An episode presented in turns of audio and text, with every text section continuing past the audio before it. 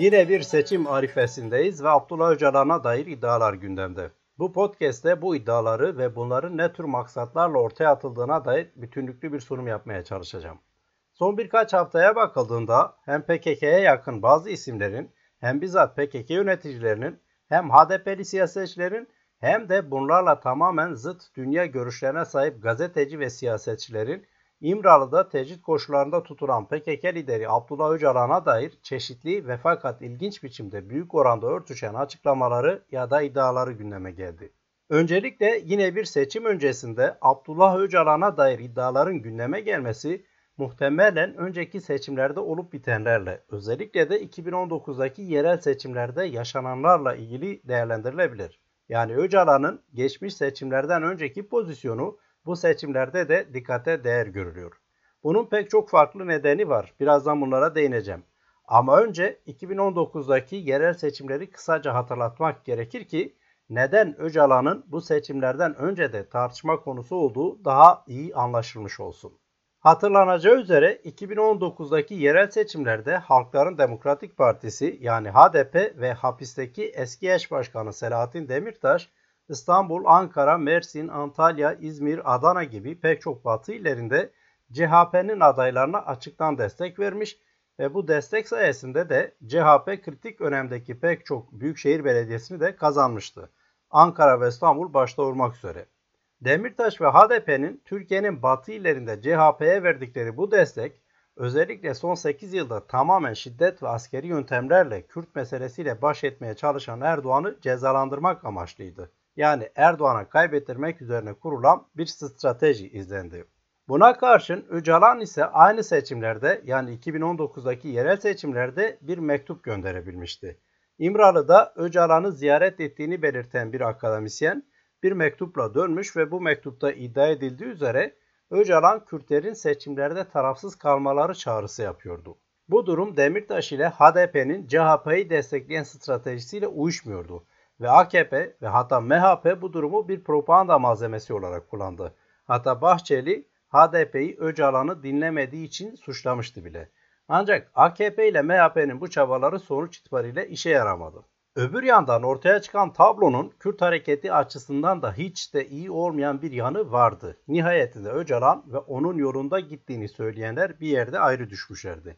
Sonuç Öcalan'ın dediği değil, HDP'nin dediği gibi oldu. Burada elbette Öcalan'ın HDP seçmeni üzerindeki etkisini yitirdiği, kimsenin kendisini dikkate almadığı vesaire türü sonuçlara varmak gerçekçi değil. Daha ziyade ortada Erdoğan'a duyulan büyük bir öfke vardı ve bu öfke hiç de sağlıklı görüşmelerin yapılmadığı, sadece kim olduğu da pek bilinmeyen bir akademisyenin getirdiği Öcalan'a ait olduğu iddia edilen bir mektupla dinecek gibi de değildi. Şayet Öcalan daha rahat iletişim kanallarına sahip olabilseydi ya da konuşma imkanı olabilseydi durum farklı olabilirdi. Bu durumda ne desek de farazi kalacak gibi. Bunlarla birlikte bir gerçek de var ki o da AKP hükümetinin seçimlerden önce bir şekilde Öcalan'dan medet umduğu idi. Kendilerine destek verilmeyecekse de CHP'ye de destek verilmemesi için Öcalan'ı ikna etmeye çalıştıkları söylenebilir. Sözünü ettiğim mektup da aslında murat ettiklerini yansıtıyordu. Ancak sonuç umdukları gibi olmadı elbette.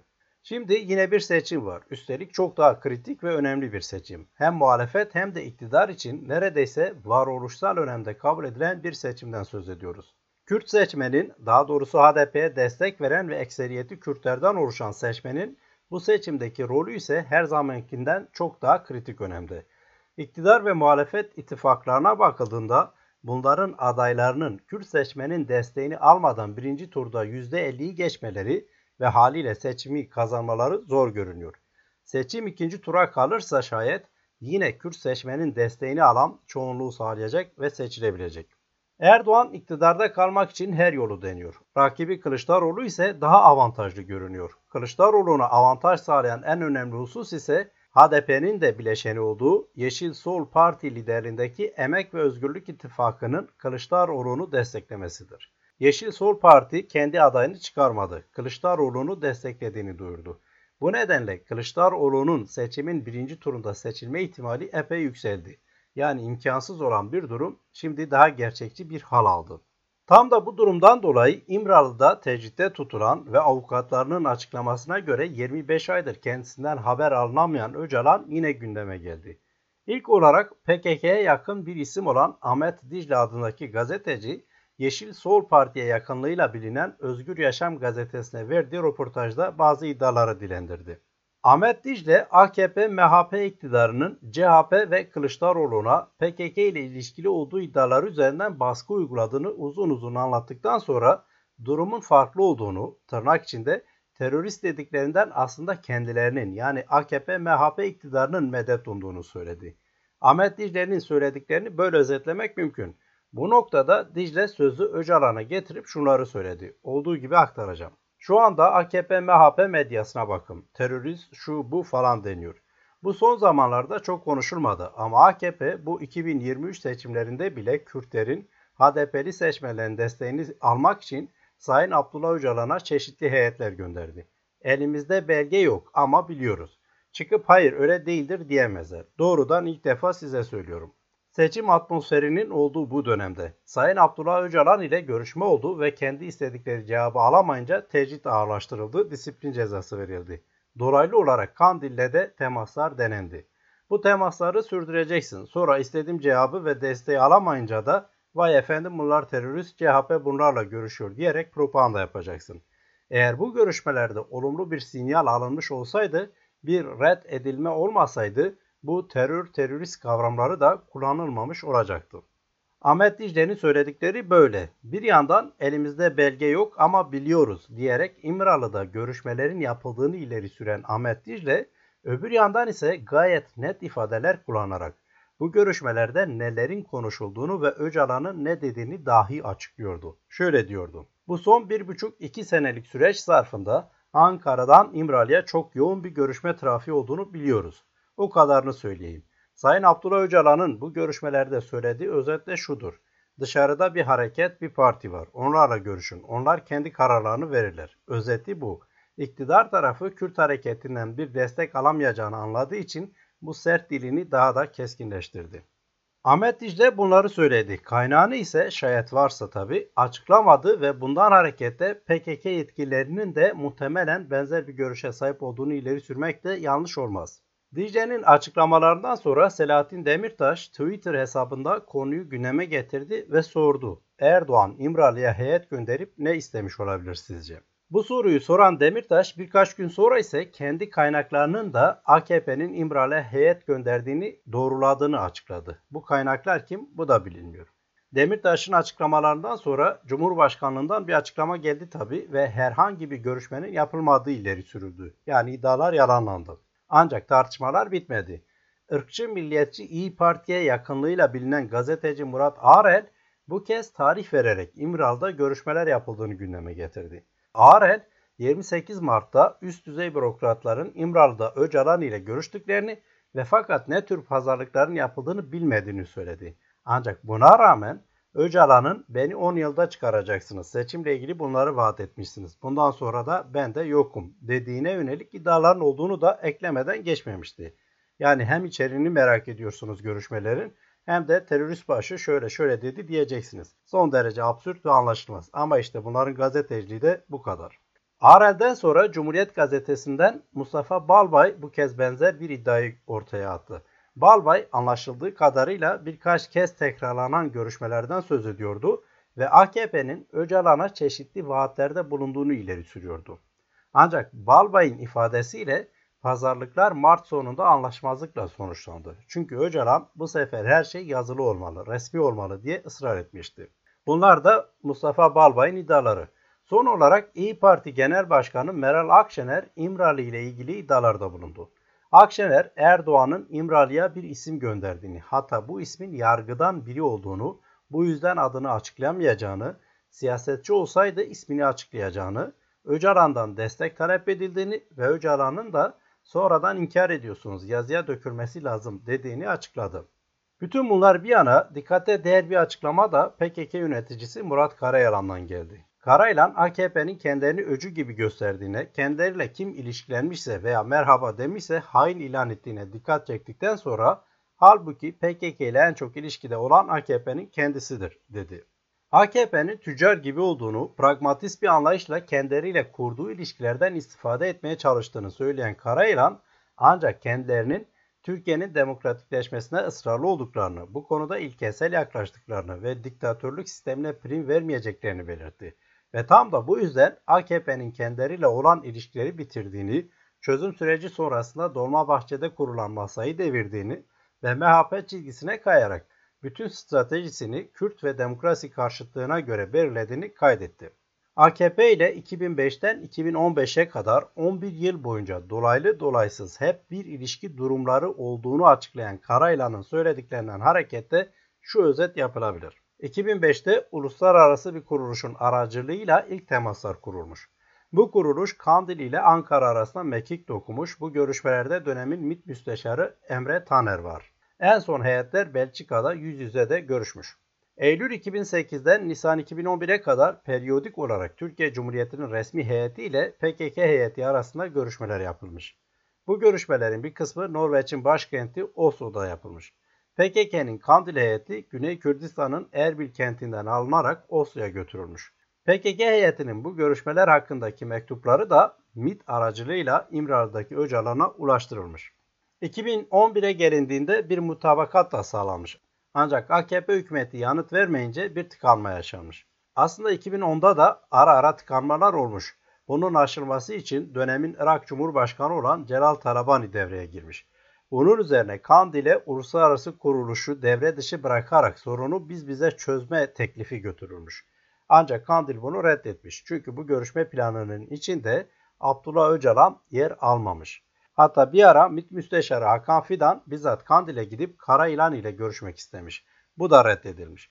Kandil'e göre İmralı Ankara'ya daha yakındı, orada görüşmeler yapılabilirdi. 2012'nin sonlarına geldiğinde ise böyle yapılmaya başlandı. Yani AKP hükümeti devlet olarak İmralı'da Öcalan ile görüşmeye başlamış. Bu görüşmeler esasında HDP'li bir heyet de düzenli olarak bu görüşmelere katılmış ve bu heyet aynı zamanda Kandil'de de görüşmeler yapmıştı. Bu dönem 2013-2015 aralığında sürdürülen çözüm süreciydi ve nihayetinde akamete uğradı. Murat Karayılan'ın AKP ile Öcalan ve Kandil arasında 10 yıllık zamanda gerçekleşen görüşmelere dair açıkladıkları özetle bu şekilde. Bu görüşmelerden bir sonucun ortaya çıkması elbette hayırlı olurdu ancak olmadı. Son olarak yine Selahattin Demirtaş'ın İmralı ile ilgili açıklamasına bakalım. Demirtaş açıklamasına şöyle başlıyor.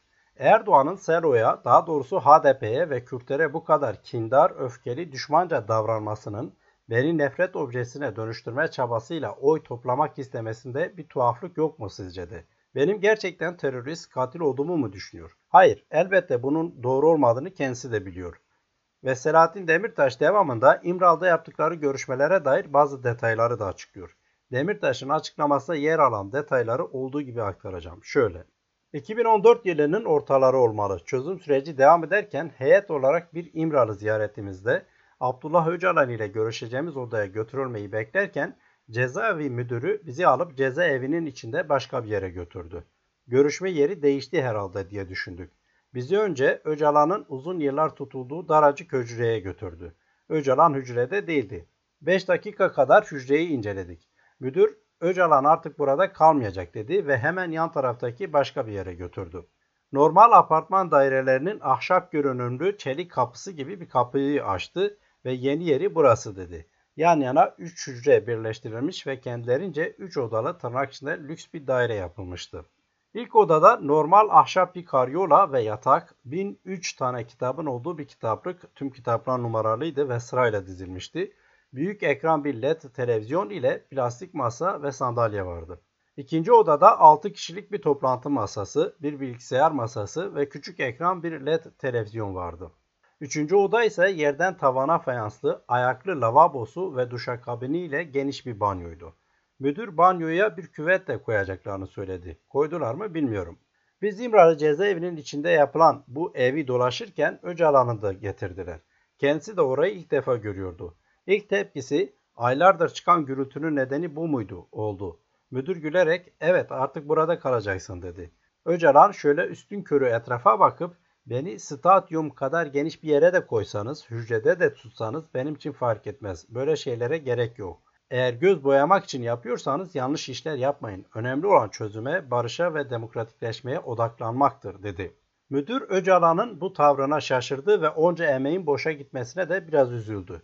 Öcalan orada kaldı mı yoksa çözüm süreci Erdoğan tarafından bitirilince tekrar hücreye mi alındı bunu da bilmiyoruz. Cezaevinin üst katında da büyük bir toplantı odası vardı. Çay kahve makinesi gibi gereçler de konuldu. Orada da Öcalan akil insanlar heyeti ile görüşme yapacaktı. O odayı ben görmedim ama heyetimizin diğer üyeleri sonraki ziyaretlerde gezdiler.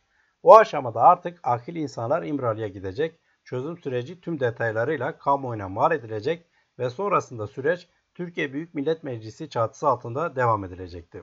Şimdi bunları neden anlattım? Öcalan son görüşmelerimizden birinde bana dönüp sizler seçilmiş insanlarsınız, halkın iradesini temsil ediyorsunuz ve dışarıdasınız. Bense burada bir adada kıt imkanlarla barış için çabalıyorum. Elimden geleni yapıyorum.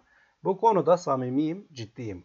Ama eğer hükümetin beni, sizi, halkı kandırmaya çalıştığını, sürece samimiyetsiz yaklaşıp kendi çıkarları için kullandığını anlarsanız sorumluluk sizdedir. Bana ulaşılamıyorsa bunların halkı kandırmasına izin verilmemeli dedi. Çünkü Öcalan'ın Erdoğan ve AKP hükümetinin niyeti konusunda ciddi endişesi, şüpheleri vardı ve şüphelerinde haksız değildi. Kendisine cezaevi içinde, tırnak içinde ev gibi ortam sağlanması şüphelerini daha da artırıyordu. Ve evet bu konuda hiçbirimiz yanılmadık maalesef. Böyle diyor Selahattin Demirtaş 2013-2015 aralığında İmralı'da yürütülen görüşmeler hakkında ve nihayetinde bu tür detayları açıklarken ki maksadı da bu süreci bitirenin Erdoğan olduğunu ve bunun kendilerine yönelik düşmanca tutumunun nedeninin de buradan kaynaklandığını ifade etmek. Bu yüzden Demirtaş diyor ki yani Erdoğan'ın saray ve saltanat oyunlarına kanmayıp planlarını bozduğumuz için bize bu kadar düşmanca davranıyor vatansever veya milliyetçi olduğu için ya da barış istediği için değil. İmral'da tutulan Abdullah Öcalan'ın bir seçim öncesinde yine gündeme gelmesine dair açıklamalar böyle. Kimin ne dediğine mümkün mertebe detaylıca yer verdim. Bu arada Öcalan üzerinde yürütülen bu tartışmalardan Öcalan'ın ailesinin ve avukatlarının rahatsız olduklarını da eklemek gerekiyor.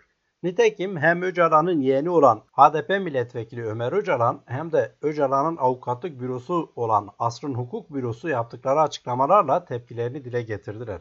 Hatta Asrın Hukuk Bürosu 25 aydan beri Öcalan ile herhangi bir irtibatlarının bulunmadığını ve müvekkillerinin İmral'daki koşulları, maruz kaldığı muamele ve sağlık durumu hakkında bilgi sahibi olmadıklarını duyurdu. Öcalan'ın avukatlarının açıklamasındaki bazı ifadeler ise özellikle dikkat çekiciydi. Seçim süreci sona yaklaştıkça oy hesapları adına tarafların ciddi bir şekilde manipülasyonlara başvurduğu tarafımızca gözlemlenmektedir denilen açıklamada örneğin şöyle ifadeler yer alıyordu. Seçim sürecinde siyasi merkezler Öcalan üzerinden propaganda yarışına girmiş durumdadır. Bu koşullar altında tüm topluma haber alamama durumunun ve ağır tecrit koşullarını sürdüğünü Tüm bu tartışmaların Öcalan'ın bilgisi, katkısı ve katılımı olmadan sürdüğünü belirtmek isteriz. Doğru ve olması gereken Öcalan'ın avukatlarıyla acilen görüşme olanağının sağlanmasıdır. Evet Öcalan'ın avukatlarından yapılan açıklama böyle. Bu durumda kesinlikle avukatlarının haklı olarak belirttiği gibi Öcalan'ın son dönemlerde olup biten tartışmalarla hiçbir ilgisinin bulunmadığını öncelikle belirtmek lazım. Öcalan'ın iddialara konu edildiği üzere kimlerle görüştüğü, neyi görüştüğü, sonucu ne olduğu, seçim süreci hakkında ne düşündü vesaire konular hakkındaki görüşünü ancak Öcalan bizzat konuşursa öğrenebiliriz. Aksi durumda olup bitenler Öcalan'a rağmen yapılmış gibi duruyor. Buradan hareketle neden Öcalan'ın hem lideri olduğu hareketin mensuplarınca veya bu harekete yakın kişilerce hem de kendisini terörist olarak gören kişilerce gündeme getirildiğine dair bazı hususları şöyle sıralamak mümkün görünüyor. Birincisi denebilir ki kendisini lider kabul eden yapıların veya kişilerin son derece kritik önemde olan seçimden önce Öcalan'ı gündeme getirmeleri anlaşılırdır. Çünkü bu seçim vesilesiyle bir kez daha Öcalan'ın Kürt toplumundaki etkisine işaret etmek isteyebilirler. Ve böylece unutulmak istenen Öcalan'ı dikkate alınması gereken bir aktör olarak yeniden hatırlatmak istemiş olabilirler. Yani bir tür çözüm sürecinde olduğu gibi Öcalan'ı yine esas aktör olarak konumlandırmaya çalıştıkları belirtilebilir. İkincisi Öcalan'ı lider kabul edenlerin cephesinden bakıldığında AKP-MHP iktidarının kendilerini öcü gibi göstermesini, Öcalan ve hareketleriyle olan bağlarından dolayı her türlü terörize edici muamelede bulunmasını bertaraf etmeye çalıştıkları görülebilir. Bu nedenle aslında Öcalan ile en çok görüşenin ve hala da görüşmeye çalışanın AKP olduğunu özellikle gündeme taşıdıkları söylenebilir. Üçüncüsü yine Öcalan'ı lider kabul edenlerin cephesinden bakıldığında aslında gerek İmralı ile gerekse de Kandil ile yapılacak görüşmelerin daha önce defalarca yapıldığı gibi gayet normal olduğunun vurgulanmaya çalışıldığı belirtilebilir. Yani Kürt meselesi çözülecekse veya buna niyet edilecekse bu tür görüşmeler gayet normaldir denmeye çalışılıyor. Bu durumda esas mesajın seçimden sonra iktidar olması beklenen ve desteklenen Kılıçdaroğlu cephesine verildiği belirtilebilir. Dördüncüsü Kürt hareketine mensup veya yakın kişilerin Öcalan'ı gündeme getirmelerinin bence özel bir nedeni var. Daha önce belirttiğim gibi 2019'daki yerel seçimler döneminde bilinçli veya değil Kürt hareketi ile Öcalan arasında bir fark ortaya çıktı. Öcalan gerek kamuoyuna açıklanan mektubuyla gerekse de bu mektuptan hemen sonra avukatlarıyla yaptığı görüşmede HDP'ye kendi siyasetlerini esas almalarını ve AKP ile CHP konusunda ise tarafsız kalmaları gerektiğini telkin etti. Ancak kendisini lider kabul edenler buna pek de riayet etmedi. Türkiye'nin batı illerinde CHP adaylarını desteklemeyi tercih ettiler. Bu da Öcalan ile kendisini lider kabul eden Kürt hareketi arasında çelişkili bir durumun ortaya çıkmasına yol açtı. Şimdi yine seçim var ve üstelik ittifaklar, bloklar ve gerilimler açısından 2019'daki seçimlere benzer unsurlar barındırıyor. Örneğin bu kez Cumhurbaşkanı seçiminde yine aslında iki ana blok yarışıyor. Ve Kürt hareketi bir bütün olarak CHP'nin adayı Kılıçdaroğlu'nu destekleme kararı aldı.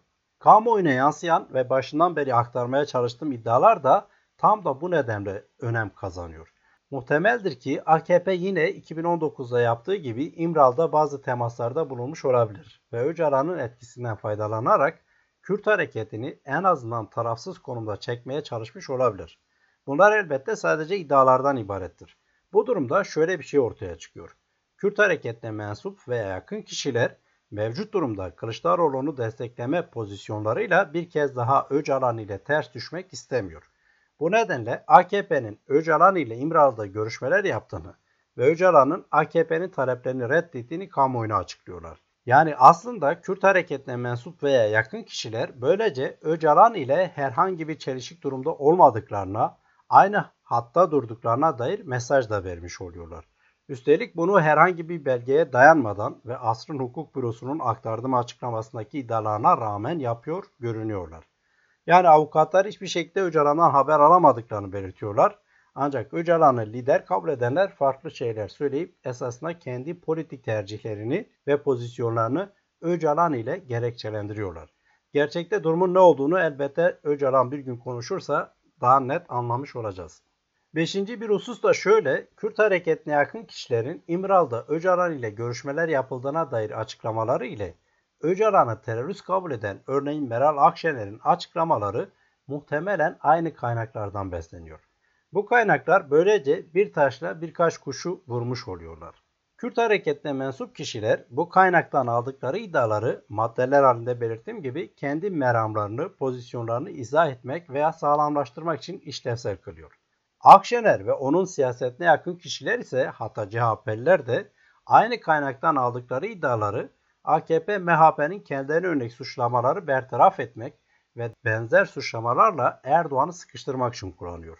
Yani Erdoğan Kılıçdaroğlu'nu PKK desteğiyle terörle işbirliği içinde olmakla suçluyor. Kılıçdaroğlu ve başını çektiği ittifak ise terörle işbirliği içinde olanın Erdoğan olduğunu, işte sözünü ettiğim İmralı ile yapılan görüşmeler meselesini de bu çerçevede gündemleştiriyorlar. Bu durumda İmral'da görüşmeler yapıldığına dair iddiaları hem Kürt hareketine mensup kişilere hem de Millet İttifakı'na mensup kişilere ulaştıranlar aslında bir şeyi çok net biçimde başarmış oluyorlar. Bu da Öcalan'ın ve Kürt hareketinin öcüleştirilmesine, terörize edilmesine tam gaz devam edilmesi demektir.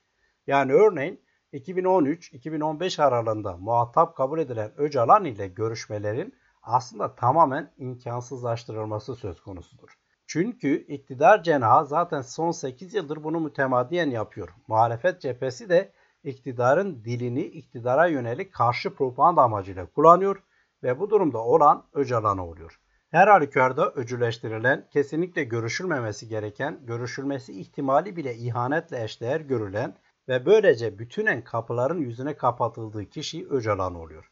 İmralı ile görüşmelerin yapıldığını kamuoyuna servis edenlerin muhtemelen en önemli amacı budur ve Kürt hareketine mensup ve yakın kişiler ise beslendikleri bu aynı kaynakların bu özelliğini muhtemelen es geçiyorlar ya da göremiyorlar veya görmek istemiyorlar. Seçimden sonraki gelişmeler elbette neyin ne olduğunu daha net gösterecek. Bekleyip göreceğiz. Ve son bir husus. AKP'nin İmral'da Öcalan ile görüşmeler yaptığına dair iddialar her şeyden önce Kürt meselesi, HDP desteği ve terör konusunda iktidarın köşeye sıkıştırmaya çalıştığı Kılıçdaroğlu'nun elini güçlendiriyor. Kılıçdaroğlu'nu destekleyen ittifak bu nedenle bu iddiaları gündemde tutuyor. Muhtemelen Kürt hareketi de desteklediği Kılıçdaroğlu'nun elini rahatlatmak için benzer bir siyaset izleyerek AKP ile daha önceki yıllarda kurdukları ilişkilerin dosyalarını açıklıyor. Bütün bunlar olurken gerçek olan şu. Ortada Öcalan'ın nasıl bir tutumun sahibi olduğunu gösteren somut herhangi bir şey yok. Ama Öcalan adına ve avukatlarına göre Öcalan'a rağmen çok şey var. Belki bir gün Öcalan konuşma imkanına sahip olduğunda neyin ne olduğunu daha iyi anlayabiliriz.